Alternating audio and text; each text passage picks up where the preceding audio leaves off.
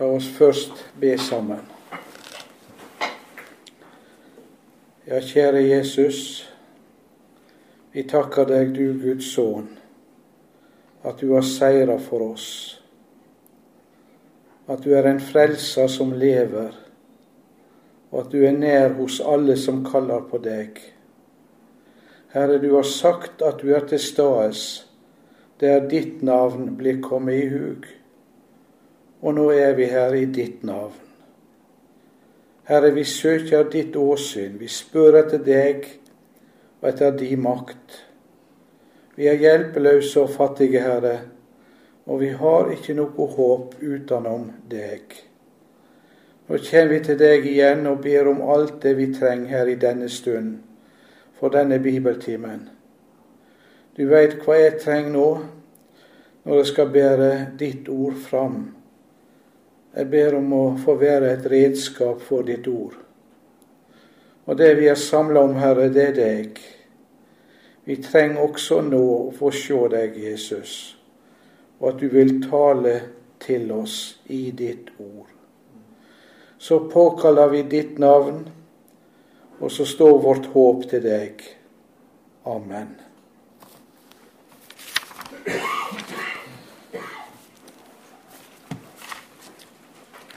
I denne vår sjuende og siste bibeltime over Filippabrevet er det kapittel 4, vers 1-23 vi skal stanse for. Og som jeg har sagt på de andre bibeltimene, jeg bruker altså norsk bibel, den nynorske omsetninga fra 1994. Men som jeg har gjort tidligere, så blir det nok også i dag at jeg kommer litt inn på andre omsetninger. Men nå leser vi først hele kapittel fire, Filippabrevet. De forbrødrene mine som jeg elsker og lengter etter, mi glede og min krans. Stå faste i Herren, mine kjære. Jeg formaner Evodia, og jeg formaner Syntyke, til å ha same hug i Herren. Ja, jeg ber deg òg, du som med rette vert kalla synsigus, hjelp deg, for de har stridd med meg i evangeliet, sammen med Klemens og de andre medarbeiderne mine, de som har navna sine skrevne i livsens bok.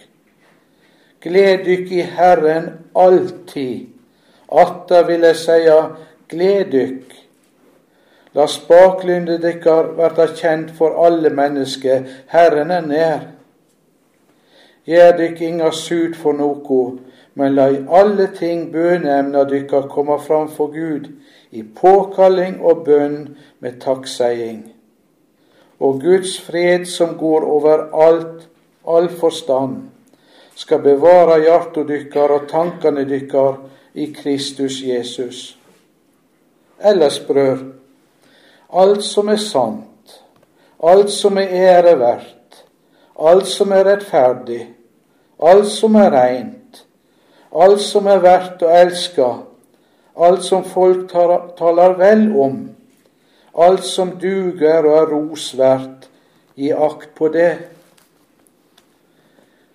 Det som de òg har lært og tatt imot og hørt og sett jo meg, gjør det og fredens Gud skal være med dykk. Det har vært ei stor glede for meg i Herren at det endelig er kommet til slik velstand igjen at de kan tenke på det jeg trenger. De tenkte nok på det før òg, men det var ikke råd for dykk å gjøre noe. Dette sier jeg ikke av de jeg har vanta noe, for jeg har lært å være nøyd med det jeg har. Jeg veit hva det vil si å leve i trange kår, og jeg veit òg hva det vil si å ha overflod. I alt og i alle ting er jeg innvigd, både i å være mett og å svelte, både i å ha overflod og å lide nau. Alt makter jeg i Han som gjør meg sterk. Like fullt gjorde det vel i å stå sammen med meg i trengsla mi.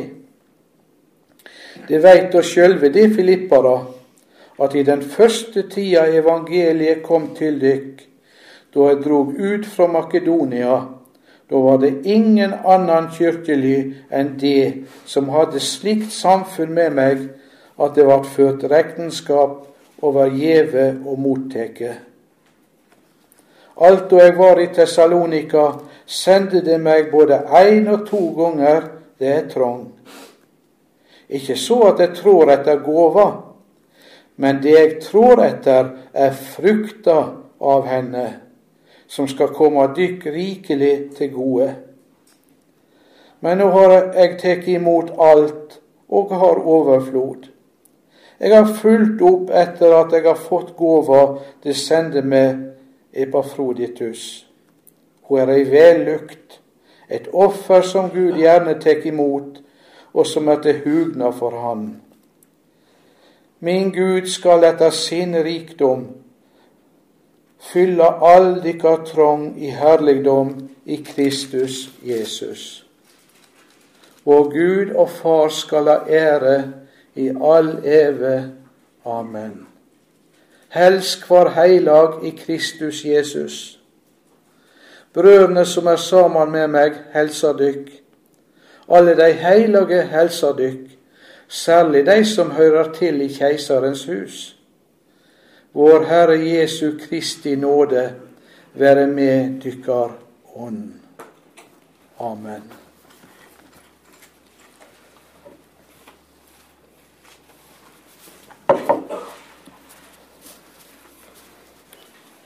Det er av og til at Paulus sine brev får en svært personlig karakter. Slik er det her. Og Da skal vi tenke på at uh, i virkeligheten er det Jesus som taler så personlig til oss. Derfor, mine brødre, derfor, mine søsken, som jeg elsker og lengter etter, sier apostelen i vers 1. Han vil gjerne være sammen med deg. Han savner disse kristne i Filippi. Og han sier 'mi glede og min krans'. Det er på en særskilt måte ei glede for han med disse truende som han skriver til. Og når han sier 'min krans', så kommer det av at de er hans ære de er hans ros. For kransen, det er jo et heiderstegn. Han er inne på det samme her som vi har sett i et tidligere kapittel, at det arbeid han har gjort iblant deg, det er ikke forgjeves, og det blir til ros for Paulus på Kristi dag. At han ikke har løpt forgjeves, eller arbeid forgjeves, som det står i kapittel 2. Det er blitt resultat av hans arbeid blant de han skriver til i Filippi. Evangeliet har båret frukt. Derfor er dette hans glede, og det er hans ære. Og når han tenker på dem, så er det med en inderlig kjærleik og lengsel. Og han kaller dem like fram som de ser her, mine kjære, mine elskede. Stå såleis fast i Herren, mine kjære. Slik henvender, han, slik henvender han seg til deg, og det er altså hans hjertespråk. Paulus må jo ha vært en underlig mann som kristen, med et hjertelag som er aldeles enestående. Om du bare leser de helsingene som står i kapittel 16 i Romerbrevet, så legger du merke til hans hjertelag og hans omsorg, så å si i hver eneste helsing. Og du merker også hans tilknytning til andre kristne. Vi har vært inne på det før. Det er underlig å se hvordan apostelen Paulus, som nettopp er så selvstendig i sitt forhold til Jesus, som vel ingen andre har vært. han er også avhengig av andre kristne. I de to første kapitlene i Galaterbrevet så gjør Paulus det klart at han har sitt kall fra Jesus, og han har sitt budskap fra Jesus, direkte uten menneskelig mellommann. Så det budskap som vi får fra apostelen, det er Jesu budskap, det er Jesu ord, det er Jesu lære. Han er veldig selvstendig som kristen, men kanskje nettopp derfor er han så sterkt knytt til andre truende. Og vi hører jo også om det i apostelgjerningene. Da Paulus kom til Rom som fange, han kom i land i denne havnebyen til Roma den gangen, Trestabernet. så var noen av brødrene, altså noen av de kristne fra Rom, kommet ned for å møte han.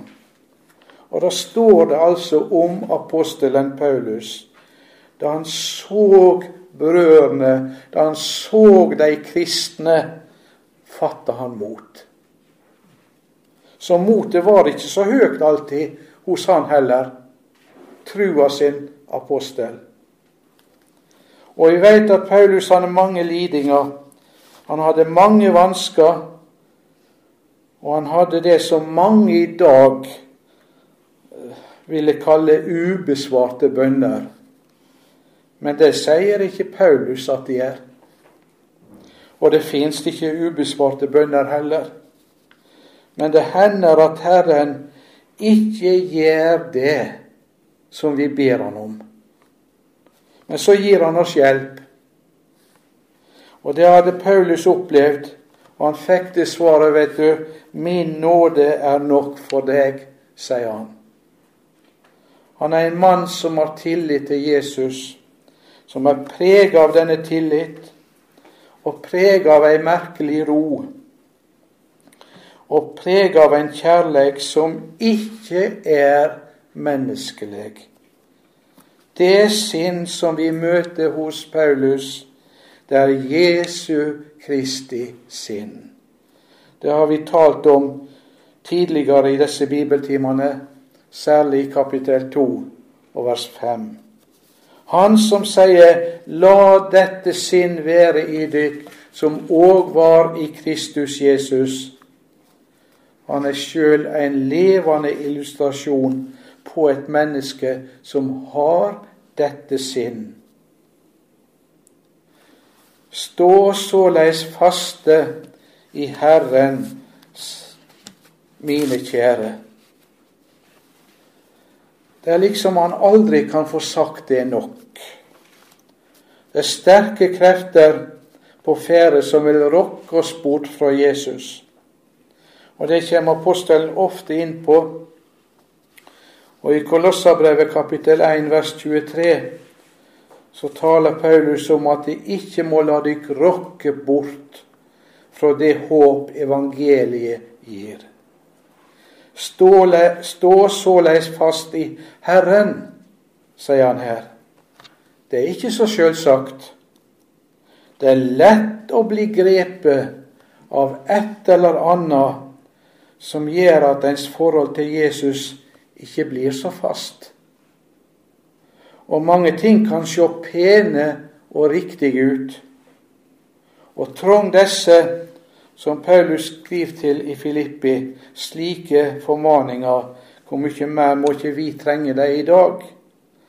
I en situasjon der vi er gjenstand for alle slags påvirkninger, der det ser ut til at det vi minst virkelig får høre i dag, det er sjølve evangeliet, iallfall slik som Guds ord forkynner det. Det er så mye litteratur, f.eks., som undergrev den sunne lære, og som kristne mennesker er så tilbøyelig til å lese. Men det er jo så mye sant i det, sier en. Det som det, det som det er noe sant i, det er den farligste løgn, det. Hvis det er noe sant i en ting, da er hele tingen usann. Hvis det er noe riktig, så er det hele veldig galt. Det er djevelens måte å arbeide på.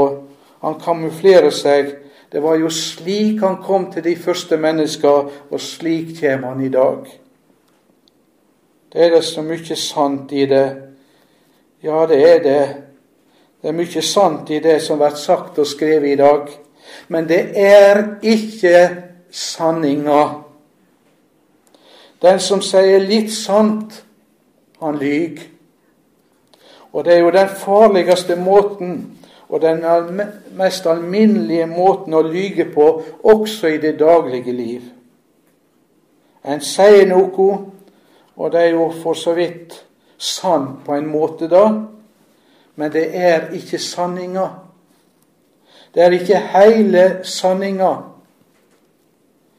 Sjøl om du altså med dine ord ikke direkte har sagt noe galt, men du har sagt ting som gjør at de som hører det du sier, de får, og du veit det også at de får, ei falsk eller heil feilaktig oppfatning av en ting, så var det ikke sanninga. En har ikke direkte sagt ei løgn, mener en, for det var jo sant det jeg sa. Men det var ikke sanninga. Det var løgn. Og til og med den alvorligste og farligste måten å lyge på er slik det skal snike seg inn på oss. En bitte liten parentes. Det er jo også straffbart etter norsk lov. Iallfall i en del situasjoner, hvis det blir alvorlig nok. Å bibringe folk ei falsk oppfatning av en ting. I, sin, I den norske lov sin språkbruk så heter det å bibringe andre ei falsk oppfatning. Vel, jeg skal ikke komme mer inn på det akkurat det nå. Men det er jo det som også skjer på det åndelige området. Det er derfor jeg tar det fram. Apostelen ville at de kristne skulle nå målet. Han ville at de skulle bli frelst. Og Derfor formaner han stå såleis fast i Herren, mine kjære. Så får vi ta den formaninga til oss at vi står fast i Herren at vi ikke lar oss drive hit og dit av hvert et lærdomsvær. Og det hører med, bare for å nevne det òg i en parentes, det hører med til en rett lærer, en rett forkynner, en rett prest, en rett misjonærs oppgave i Guds rike å avsløre vranglære. Å holde øye med vranglære, motseie den, og så langt det står i ens makt, isolere de kristne fra dens innflytelse. Det er faktisk ei plikt, ei oppgave fra Gud, at hans sendebud skal holde øye med vranglære. Det er et kall. Nå er det ikke mulig, naturligvis, å vite om alle slags farer og alle slags retninger og alt som kommer inn. Vi var inne på det litt, iallfall i samtalen etter bibeltimen sist. Det er ikke mulig. Og det vil ingen makte. Selv den beste vil ikke makte det. Men det er én ting vi veit. Vi kjenner veien Herren har kalt oss til å gå. Og vi må ikke vike fra den. Og det blir uttrykt, altså, uttrykt altså i denne sammenheng her slik Stå såleis fast i Herren. Den som står fast i Herren, han oppdager på grunn av at han står fast i evangeliet, så oppdager han etter hvert det som ikke stemmer. Han begynner å skjønne når noe er galt, selv om det kanskje ser riktig ut. Han blir urolig og får ufred i hjertet ved det som ikke stemmer med Jesus og den sunne lære som vi har fått i Guds ord. I gamle dager er det blitt fortalt så kunne en skille ekte mynt ut fra alle de falske som var i omløp. Hvordan skilte en de ut? Ved klangen på lyden av den ekte eller de ekte myntene. En kjente slett ikke klangen på alle de falske som var i omløp. Det var ikke mulig for noen å ha oversikt over.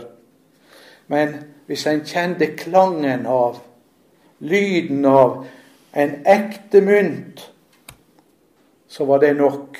For kom det så falske mynter, så avslørte de seg sjøl.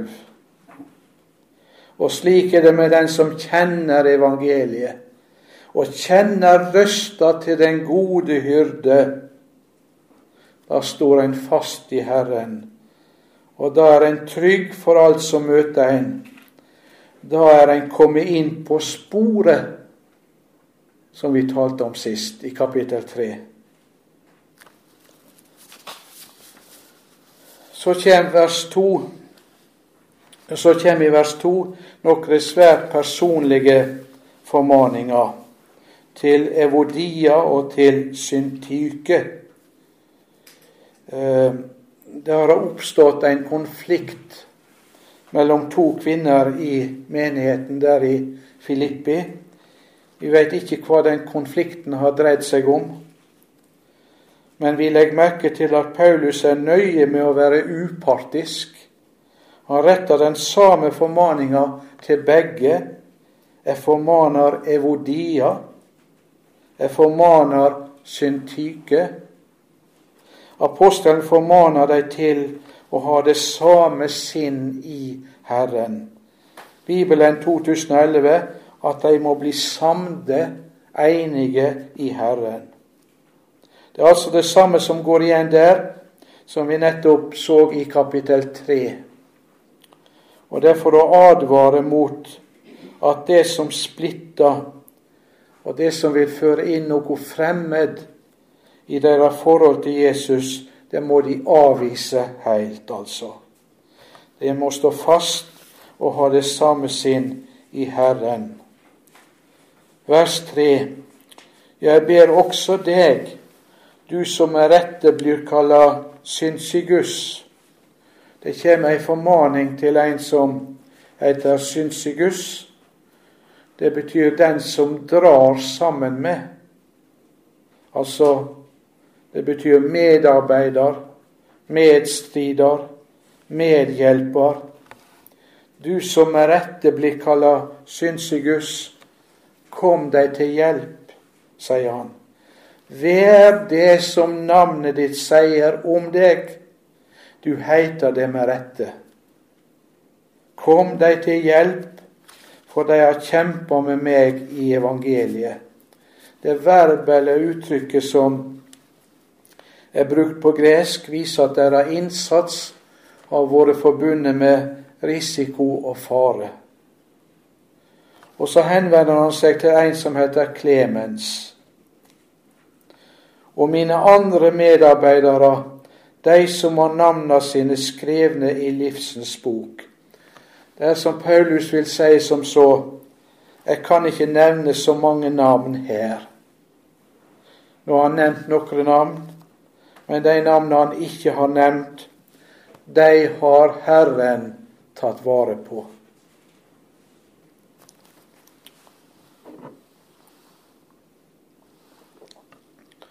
Og så, og så kommer da budskapet til deg og til oss i vers 4. Gled dykk i Herren alltid.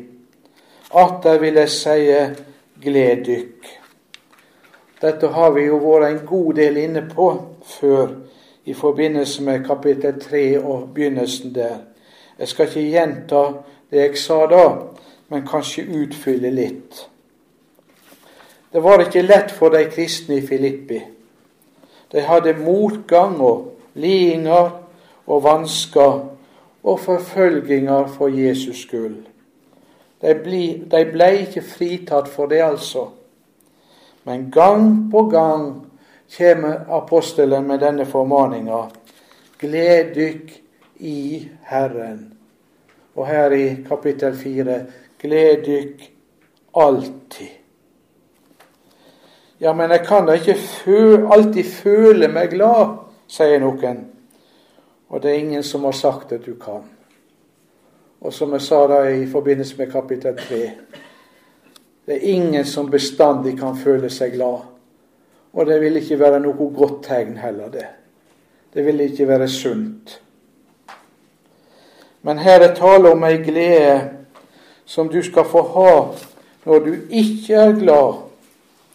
Her er tale om ei glede som du skal få ha når det er mørkt, når det er stengt, når du har det vondt, når det ser håpløst ut, når du ikke ser noen vei for deg, ja, når det kan se ut som Gud har glemt deg. Det har han altså ikke, for det sier han, gløymer vel ei kvinne sitt diende barn. Om de òg gløymer, så gløymer ikke jeg deg. Sjå, i begge mine hender har jeg tegna deg.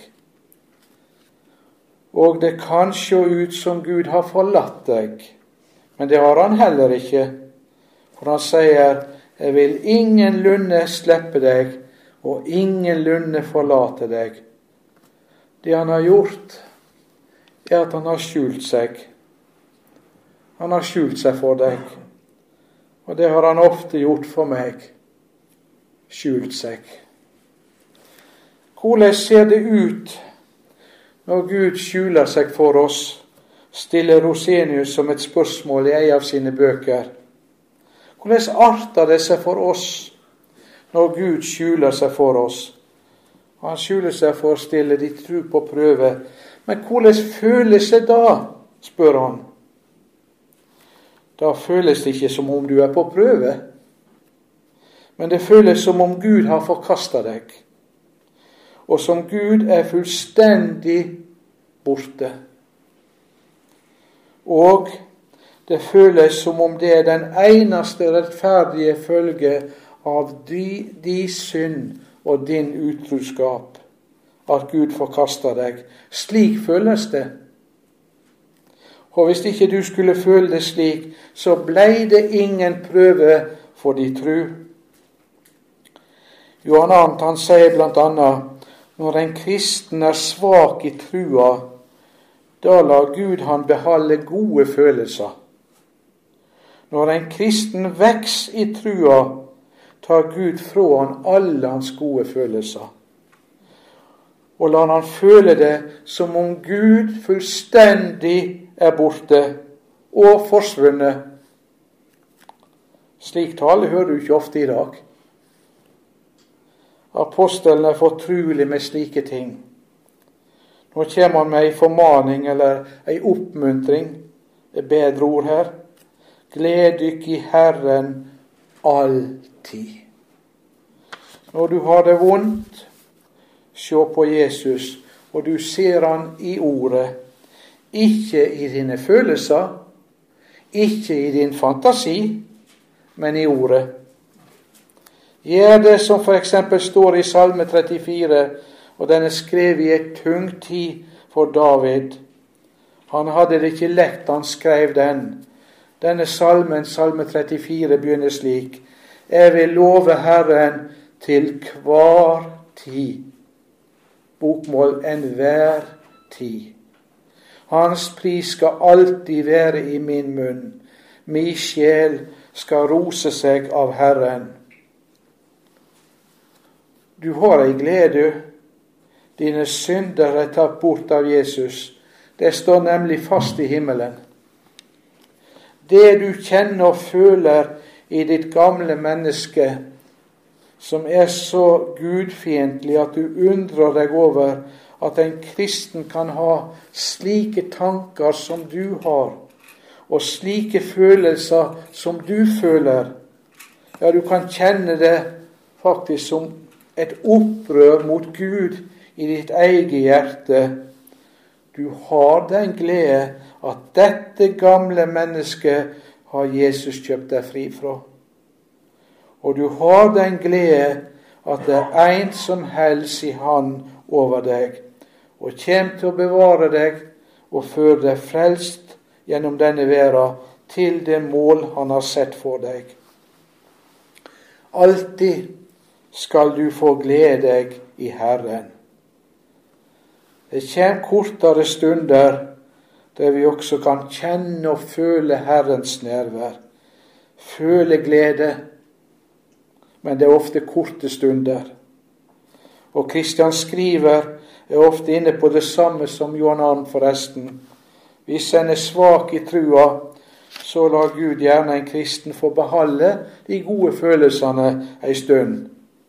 Men når en vokser i trua, blir de gode følelsene borte. Vi kan spørre hva er planen med det, og hensikta med det?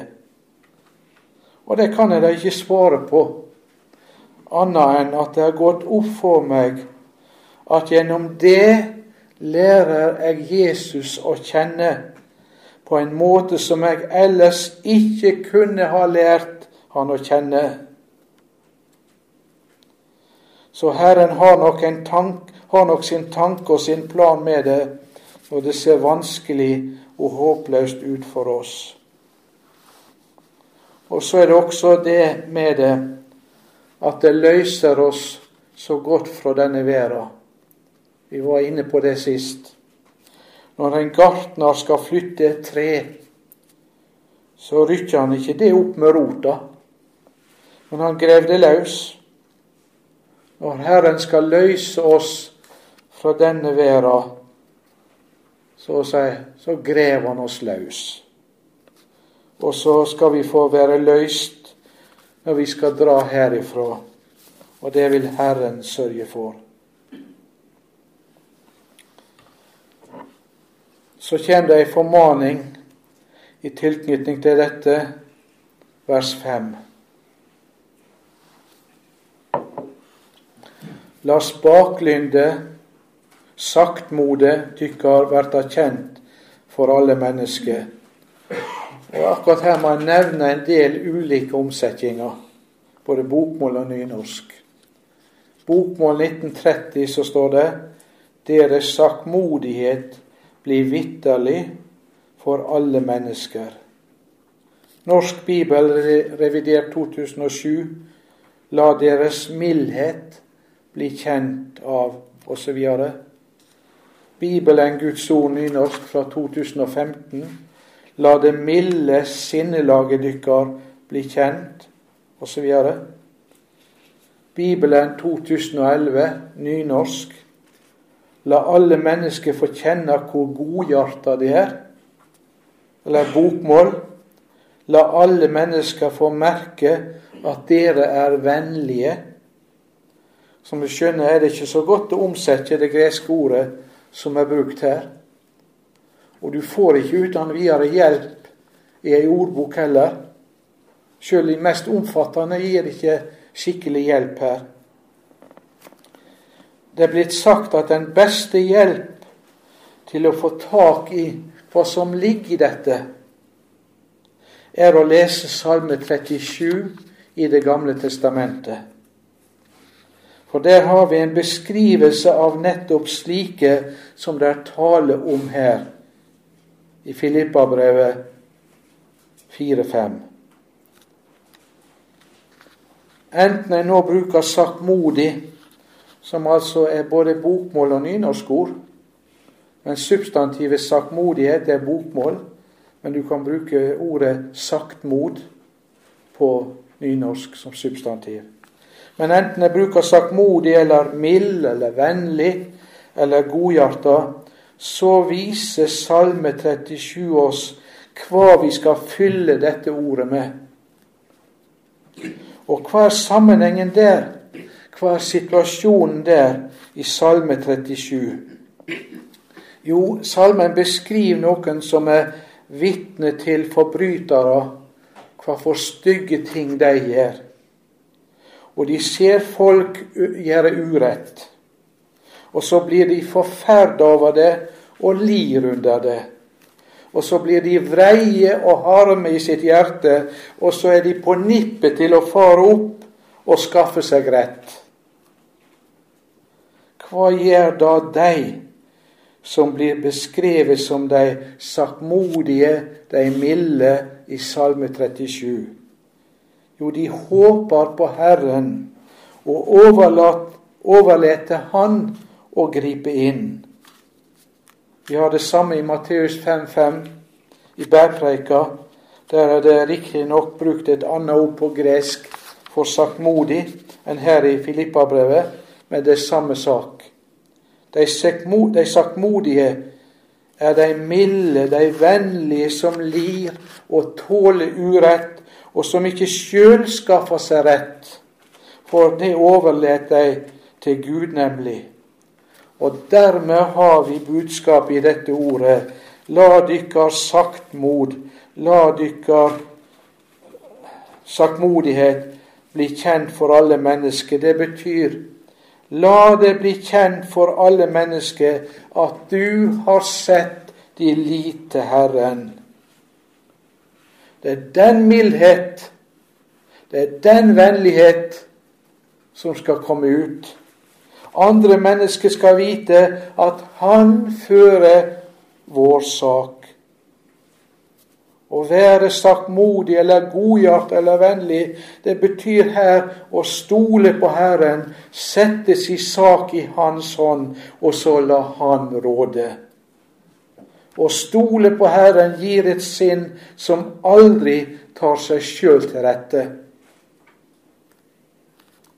I Salme 37,5 har vi et ord som så å si er definisjonen av hva det vil si å være saktmodig. Sett din vei, sett din vei i Herrens hand, og lit på Han. Han skal gjøre det. I den danske kredokommentaren så har forfatteren sett som overskrift over hele salmen overgi din vei til Herren. Det ordet som er brukt på hebraisk der, i Salme 37,5, det betyr å legge ei byrde over på en annen, eller velte ei byrde av sine skuldrer. Og det er verken lett eller naturlig for vårt gamle menneske å gå med på det. Vi vil jo gjerne ha veien i våre egne hender. Vi vil jo gjerne stole på oss sjøl for at vi skal klare det på egen hånd. Det å ha saka, det å ha livet, det å ha framtida i egne hender, ja, men det er slik det gamle mennesket ønsker det. Vår syndige, medfødte natur. Mens derimot det å levere livet sitt fra seg, levere framtida fra seg, velte alt dette av seg, slik at jeg sier dette er ikke mi sak, Gud, dette er di sak. Jeg skal ikke lenger ha kontroll. Jeg skal ikke lenger ha bukta av begge endene, verken med det ene eller det andre i livet. Det skal du, Herre, ha. Det er å være saktmodig. Og dette går det kanskje et langt liv før vi, før vi i det hele tatt begynner å lære litt av. Ingen av oss får gjort dette av oss sjøl. La dere ha saktmod, spaklynde Det nynorske ordet liker jeg ikke men det står nå der. Men så fyller jeg det med det innhold som Skrifta gir det. Så går det bra likevel. La deres saktmod bli kjent for alle mennesker. Herren er nær, står det.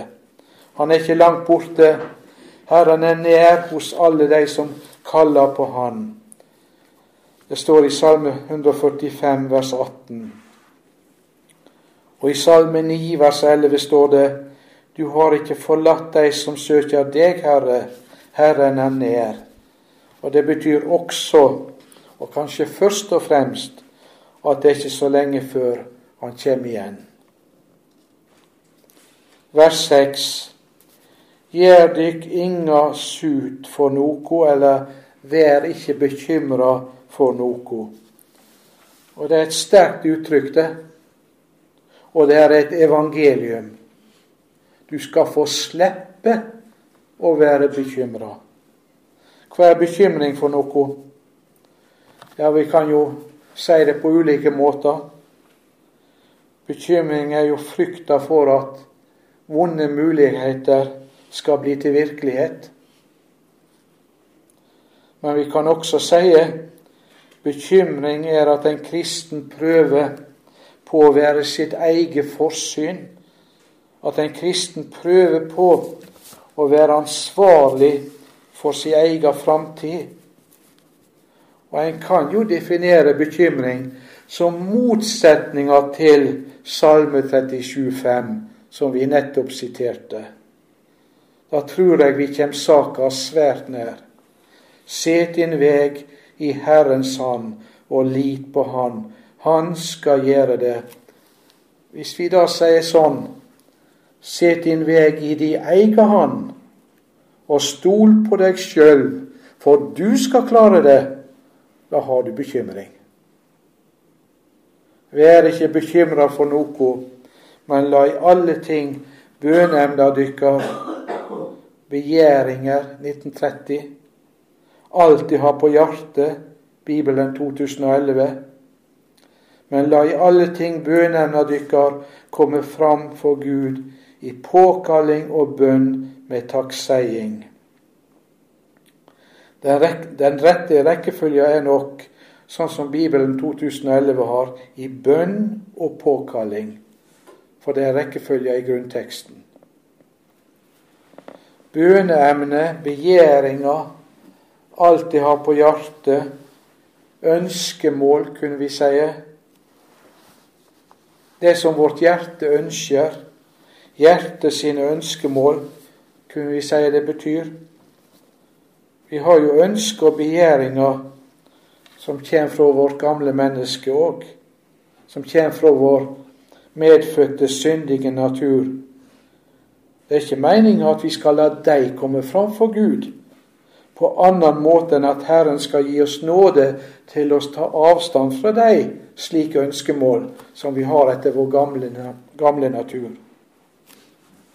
at vi skal få lov å akte oss som død for deg.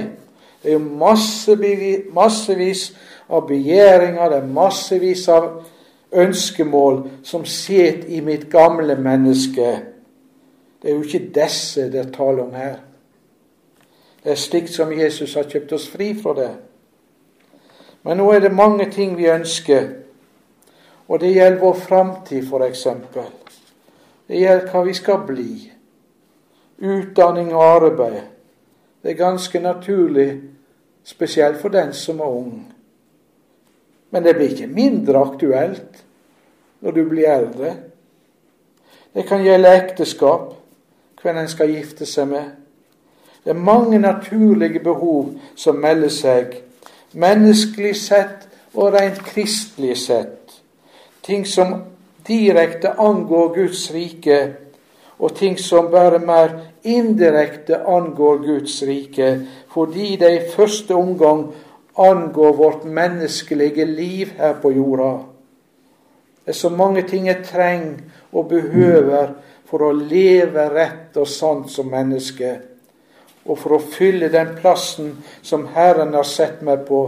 Og alle slike behov, alle slike begjæringer, det er hjertets ønskemål og de skal vi la komme fram for Herren. For det er meninga nemlig, i og med at vi får komme fram for Herren med dem, at Herren vil gi oss det vi trenger.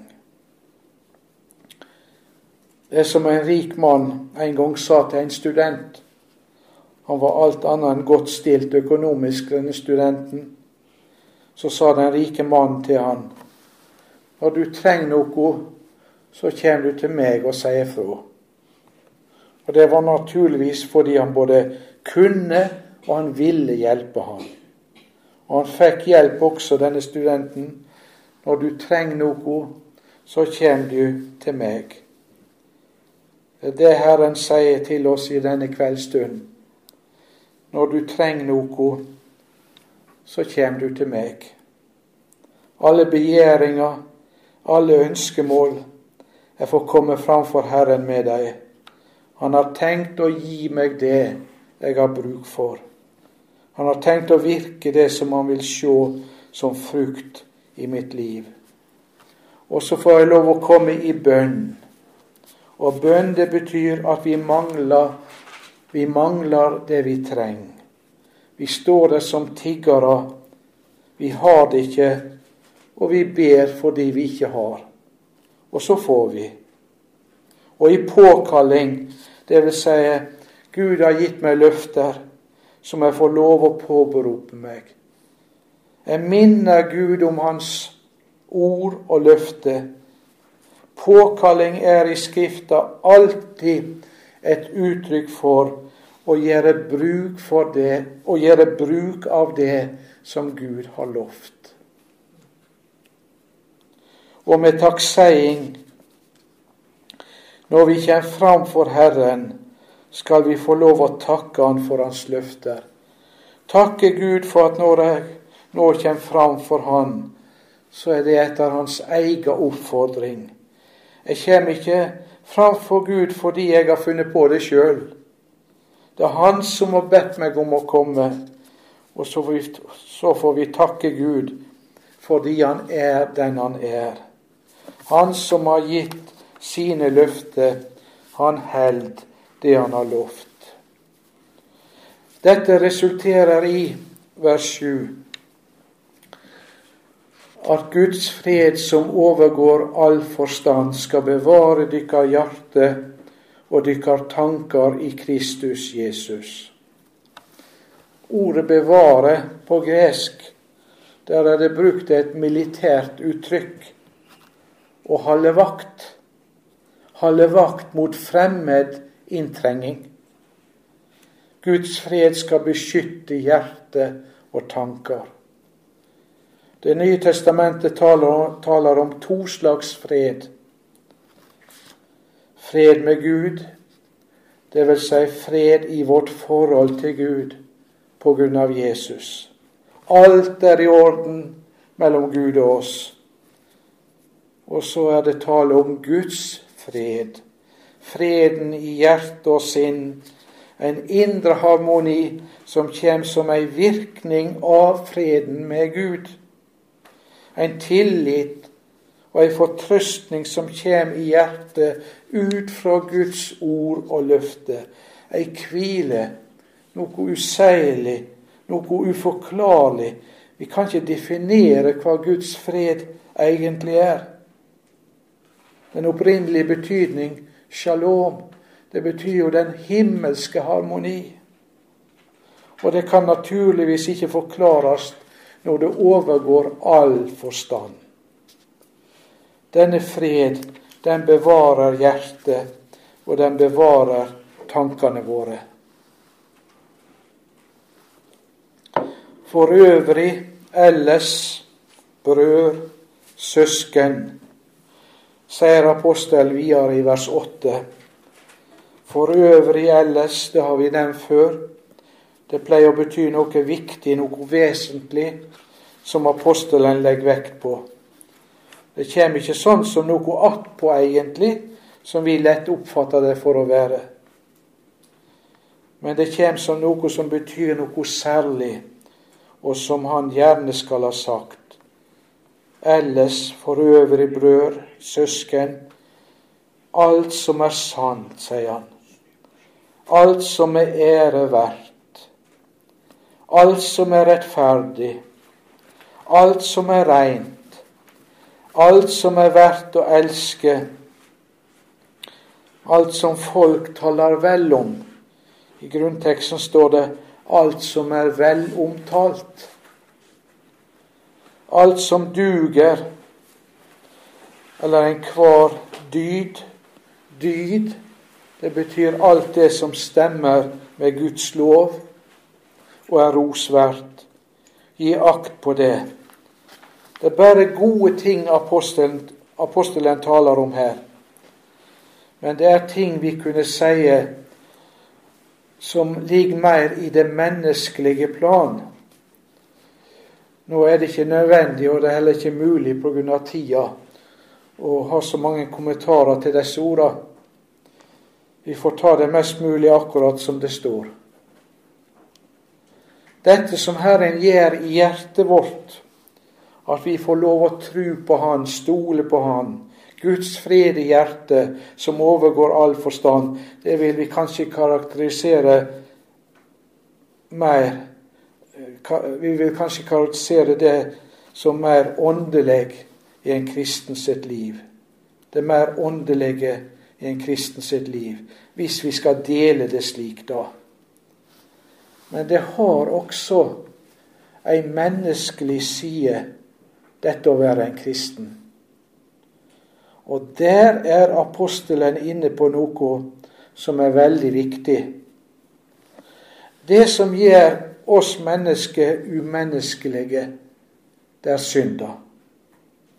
Om et menneske blir en kristen, om han i sanning blir et åndelig menneske, så blir han ikke umenneskelig. Han blir ikke unaturlig. Han blir ikke vanskelig å være sammen med. Han får ikke en åndelighet som er slik at folk liksom føler det ubehagelig å være sammen med han. Det kan lett hos kristne mennesker komme inn noe som er usant og unaturlig i ens vesen, som jeg nærmest vil karakterisere mordet overåndelig.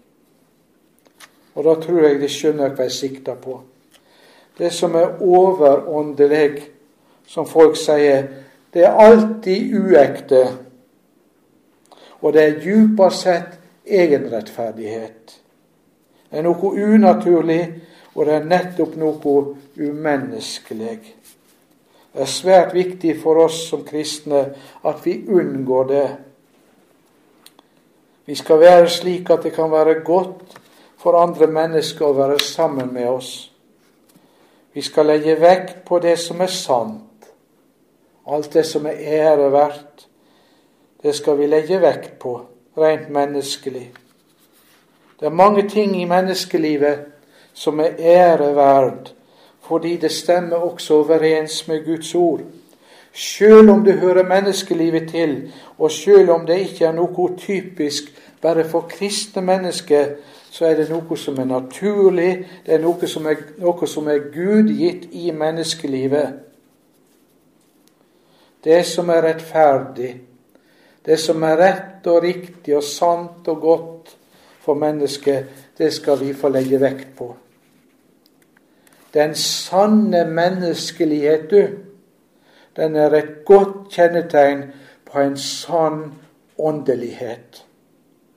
Og det å være åndelig og menneskelig, det hører altså nøye sammen, som de vil forstå av denne sammenstillinga apostelen gir oss her.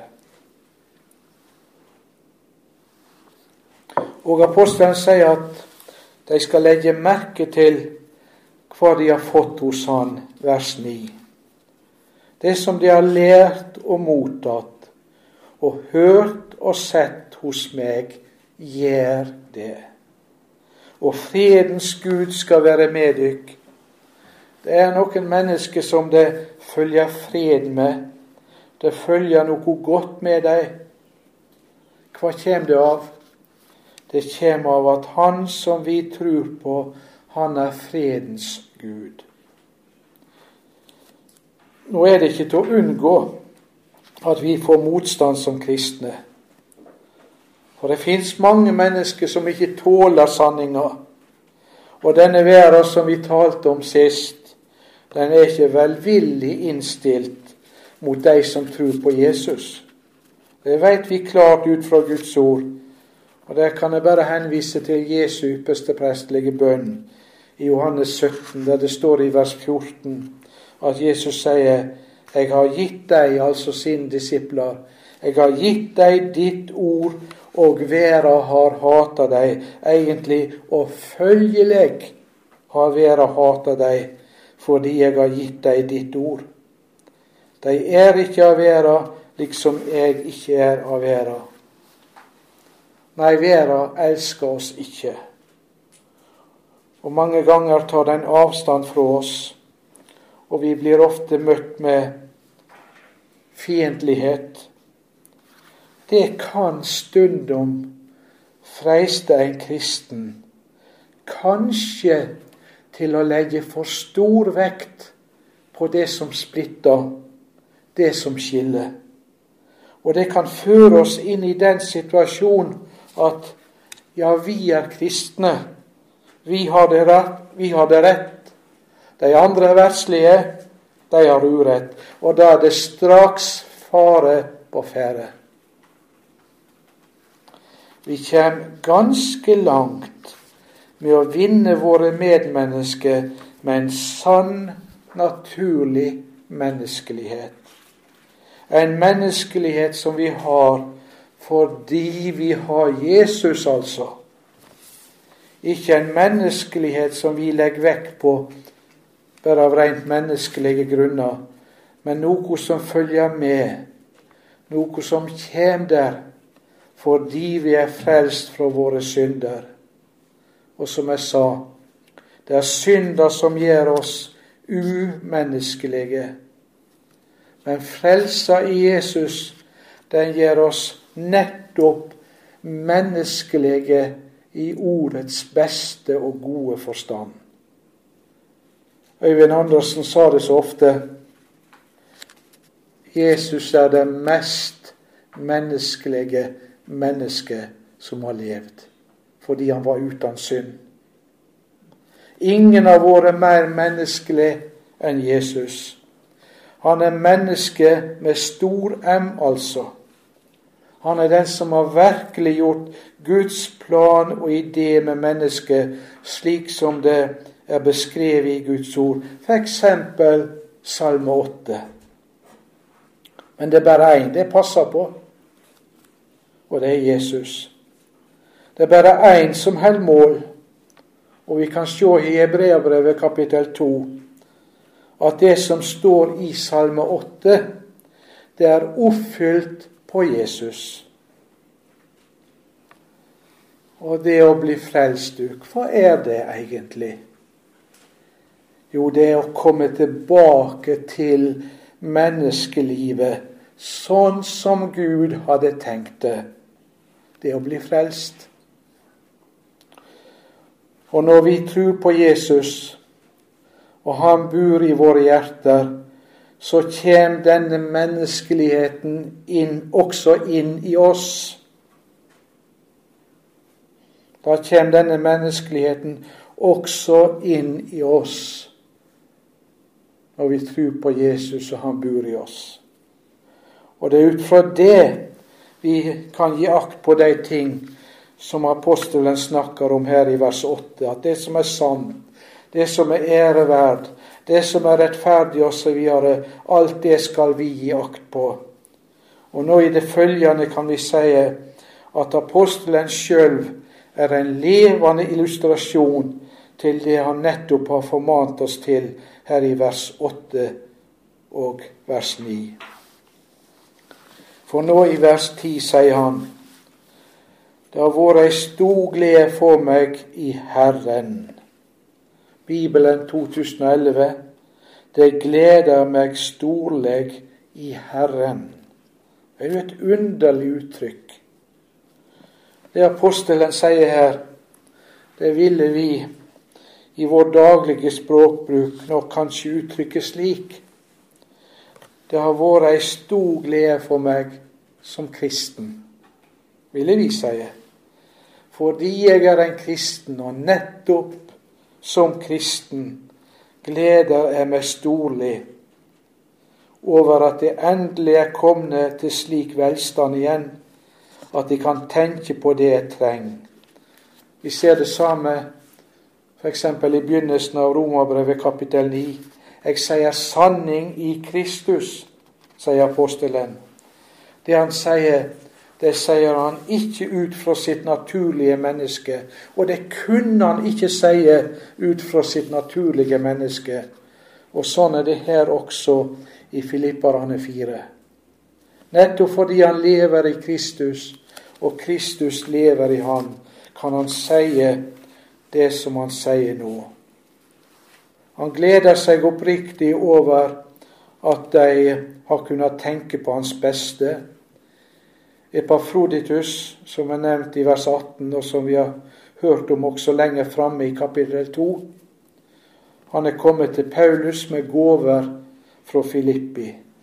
De kristne har sendt han økonomisk hjelp.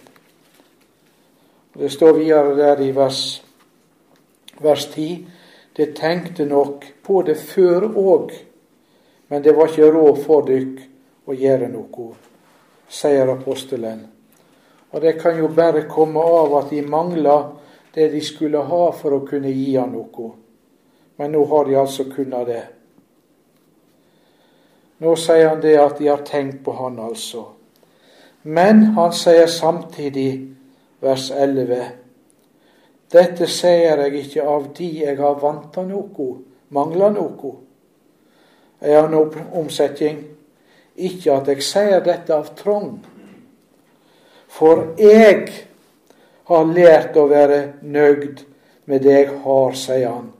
Jeg står med betoning der i den greske grunnteksten. For jeg har lært å være nøyd med det jeg har. Og der er apostelen et forbilde for oss.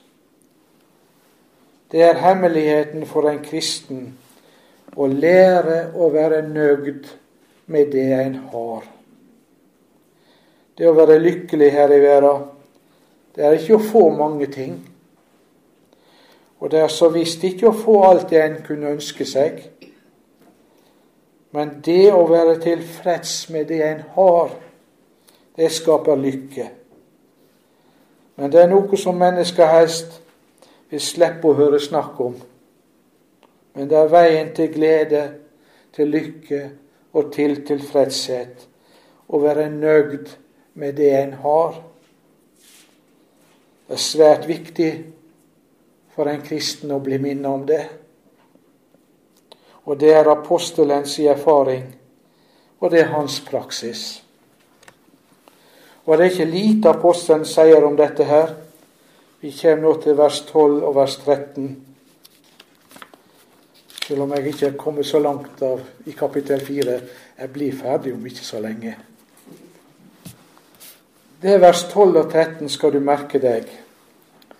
Eh, det er rytmisk prosa, og det kan i form nesten minne om et lite dikt, det som nå kommer. Og De ser det f.eks. i Bibelen 2011, hvordan teksten er satt opp som et lite dikt. Vi har to, tre, to treledda strofer.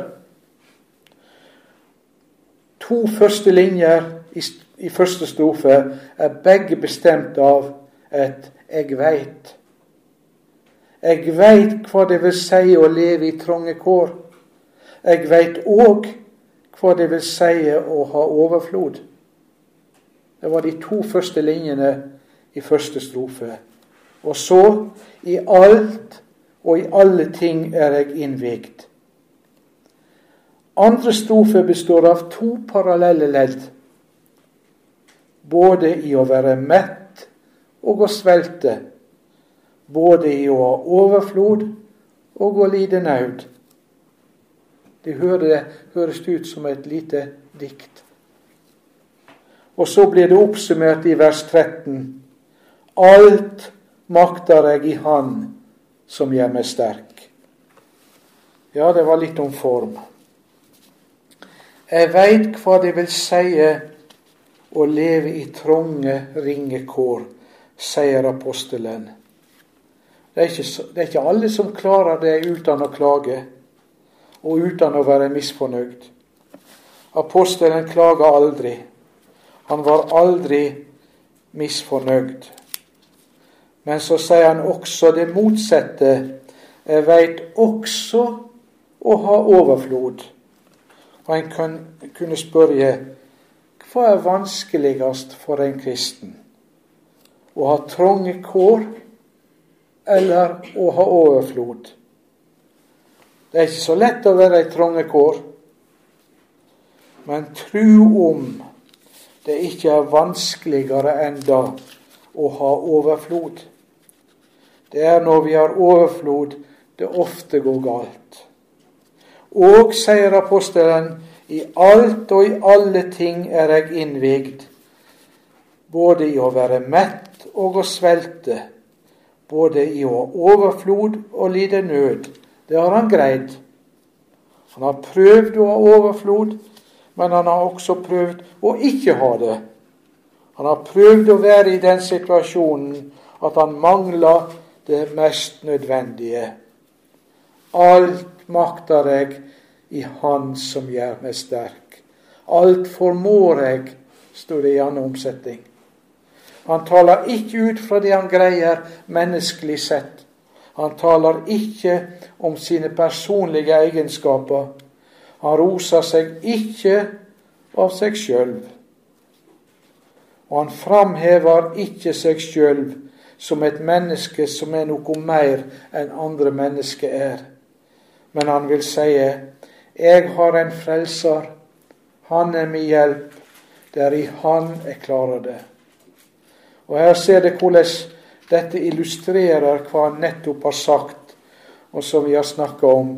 Vær ikke bekymra for noen. Han har overlatt det til Herren å bekymre seg for Han og han er så visst ikke blitt til skamme. Nå føyer han til da i vers 14 for at ikke de skal misforstå det han har sagt.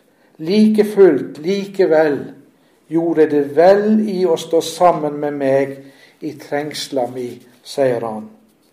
Dermed gir han uttrykk for at det de har sendt han, det har han bruk for.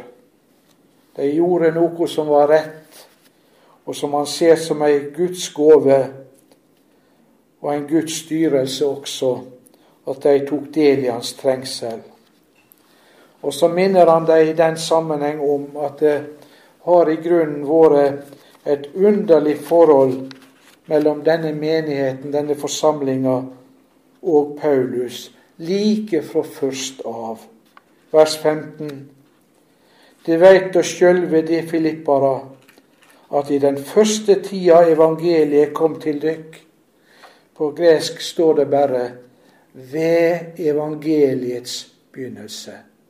Ved evangeliets begynnelse. Og det er vel som bibelomsetninga sier her, da tenkt på første gang evangeliet ble forkynt i Filippi.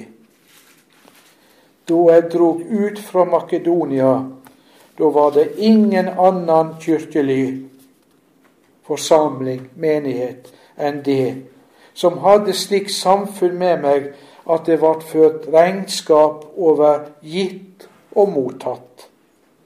Vers 16. Alt da jeg var i Tessalonika Han drog jo etter ei kort stund fra Filippi til Tessalonika. Og da han kom dit og var der, da sendte de meg både én og to ganger det er trong. De kristne i Filippi held regnskap med Paulus og var gitt og mottatt. De sørgde for han altså. De tenkte på hans beste den gangen, også da han var i Tessalonika. De sendte meg både én og to ganger det jeg trong, dvs. Si gjentatte ganger etter deres språkbruk. Det betyr ikke bare to ganger, men nærmere bestemt hendte det vel så ofte som apostelen hadde bruk for det. Her kommer vi inn på ei sak som jeg nå bare kan nevne helt, helt, helt kort. De som blir opplært av ordet, i ordet, de skal komme i hug, de som lærer dem. Det er etter Guds ord at de som blir opplært, de sørger for den som lærer. Og det er gitt klare formaninger om det i Guds ord. Og det er blitt sagt i den sammenheng at arbeideren er si lønn verd. Og du skal ikke binde munnen til på den oksen som tresker, sier Guds ord. Og så spør apostelen er det oksene som ligger Gud på hjertet, Det er naturligvis arbeiderne i Guds rike. Og det er ikke for disse arbeiderne sin skyld bare, men det er først og fremst for evangeliets skyld. For hvem skal undervise, hvem skal forkynne evangeliet, hvis ikke de Gud har sett til det, får det de trenger og er i stand til å utføre sin gjerning? Dette hadde filipperne oppfylt på Paulus like fra begynnelsen av. Men så sier han i vers 17, der føyer han til Ikke så at jeg trår etter gåva. Det viktigste for apostelen nå i denne sammenheng, det er ikke den gåva han har mottatt, selv om den gåva er svært kjærkommen. Ja, vi må vel ha lov å si den var nok nødvendig for Paulus, denne gåva, rent menneskelig sett. Så sier han likevel at det er ikke det at det er den gåva han er ute etter, men frukta av den gåva som skal komme dykk rikelig til gode. Det som er det største for Paulus, det er at han veit at når disse nå har tenkt på hans beste, så er de på en særskilt måte kommet inn under Herrens omsorg. Det er ei velsigning fra Herren som nå kommer deg til gode, fordi de har sendt denne gåva til Paulus. Og det er denne velsigninga som på den måten kommer over deg, apostelen trår etter. I vers 18 sier han da Nå har jeg fått alt, og jeg har overflod, for å gjøre det klart for deg. Nå trenger han ikke mer. Jeg har fulgt opp, sier han, etter at jeg har fått gåva de sender med Epafroditus. Og så kaller han denne gåva ei vellukt, også omsett en yndig duft, ei god duft et offer som Gud gjerne tar imot, og som er til hugnad, til glede, til velbehag for Han. Og det er alt det som ligger i dette apostelen trår etter.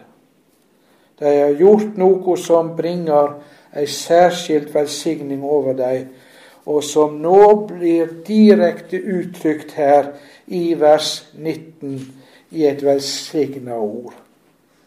Min Gud, sier han, min Gud skal etter sin rikdom fylle all dykka trong i herligdom i Kristus Jesus. Den Gud som Paulus tror på, holder regnskap med alt det som skjer med Paulus. Det er derfor han sier 'min Gud'. Han er jo også deres Gud som har sendt gåva til han. Han vil da liksom ha uttrykt det at det er en som holder regnskap med meg. Han holder regnskap med det som blir gitt meg. Han holder regnskap med det som de har sendt meg. Og han veit om hva de har for slags behov. Paulus veit at det er en som holder regnskap med deg i Filippi, og med oss med deg og med meg. Og han skal etter sin herligdom i Jesus Kristus fylle alle våre behov. Det er denne Gud som også er vår Gud. Dette er ikke skrevet bare for filipperne sin skyld, men også for vår skyld. For, for, som jeg sa i den første bibeltimen, det Paulus skriver her i Filippabrevet, er ikke bare til de som brevet er skrevet til, men òg til alle framtidige lesere. Så kommer ei lovprising, vers 20. Vår Gud og Far skal ha ære i all eve. Amen. Til slutt noen hilsinger eller sluttord som apostelen ofte har. Vers 21 til 23. Nå er han ferdig med sitt brev. Nå er han ferdig med det han legger leserne på hjertet. Og så sier han, helsk hver heilag i Kristus Jesus. Alle som tror på Jesus, er heilage mennesker. De hører Gud til. Og så har han helsingar fra der han er. Brødrene som er sammen med meg, helser dykk. De brødrene, det er vel først og fremst de som forkynner Guds ord, som han tenker på der. Dette nevnte jeg i innledninga til brevet. De som var forkynnere, og de som hadde tillitsverv i forsamlinga der i Rom. De helsa dykk. Og videre sier han, alle de heilage helsa dykk. Vil si alle de kristne der. Særlig de som hører til i keisarens hus. Det var mange kristne i keisarens hus. Og da er det vel ikke tenkt akkurat på slektninger av keiseren og sånn. Kan hende det var noen av de også som var med. Men det er, først, det er tenkt først og fremst på de som arbeider der i det keiserlige hus. Vi veit at evangeliet hadde fått en særskilt inngang blant dem, og det gir apostelen uttrykk for her og så er han ferdig. Vår Herre Jesu Kristi nåde være med dykkar ånd. Der slutta brevet, da. Når vi leser dette, disse hilsingene, så får vi motta dem også som helsinger til oss. Det er derfor de står der. Vi skal vite at alle som tror på Jesus, er gjenstand for slike helsinger og får den velsigning som følger med deg. Og det er et menneske sin største velsigning her på jord. Å leve i nåden som Jesus har vunnet for oss. Så får også vi her i kveld den velsigninga gjennom dette ordet i Filippa-brevet. Skal vi takke og be. Ja, vi takker deg, Jesus, for budskapet som du har gitt oss i Filippa-brevet denne høsten, og for det budskapet du har gitt oss også i kveld. Vi takker deg for hvordan alle ting, også de rent menneskelige ting i ditt ord, viser hen til deg, Jesus. Hvordan du er den rette for oss i vårt gudsforhold og i alle våre menneskelige forhold. La oss få lov å ta med oss dette, og la oss få lov å regne med at du regulerer hele vårt liv. Og la det, og la det kjennes på oss, Herre, for de som møter oss, at vi hører deg til. Det ber vi om i ditt navn. Ære være Faderen og Sønnen og Den hellige Ande, som var og er og være skal, en sann Gud, fra evig og til evig. Amen.